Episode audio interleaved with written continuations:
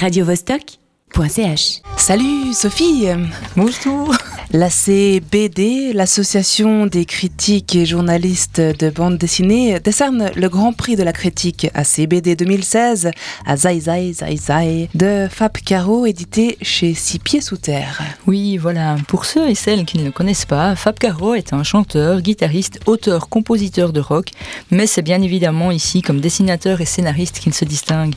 Avec Zai Zai Zai Zai, il n'en est pas à son premier coup d'essai.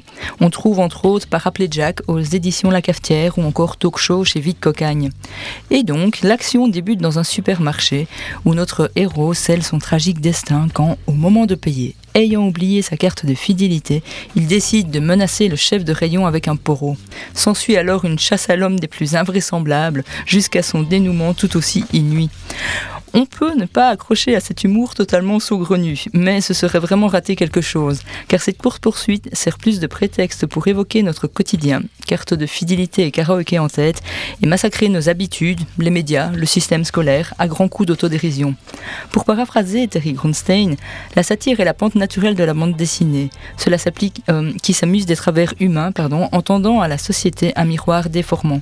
Cela s'applique tout à fait à Zai Zai Zai Zai. Ainsi, chaque page est l'occasion d'un un gag où les protagonistes sont des anti-héros stigmatisés. Que ce soit les policiers stupides, les politiciens infatuatés, vous, moi, nous pouvons aussi nous y reconnaître. L'auteur lui-même en prend pour son grade. La bêtise euh, la plus abyssale étant sa cible de prédilection, elle prend ici une forme tout à fait inhabituelle, voire vraiment absurde, mais pas inaccessible. Aidé en cela par un trait minimaliste mais réaliste, simplement relevé par une teinte jaunâtre, les visages et les décors sont à peine esquissés pour mieux mettre en évidence les postures et les dialogues et nous faire comprendre que les personnages qui se trouvent là, ça pourrait être nous. Faussement puéril, divertissant mais pas inutile, une fois que l'on pénètre dans l'univers de Fab Caro, impossible de ne pas afficher un grand sourire bénet à la lecture de cette bande dessinée.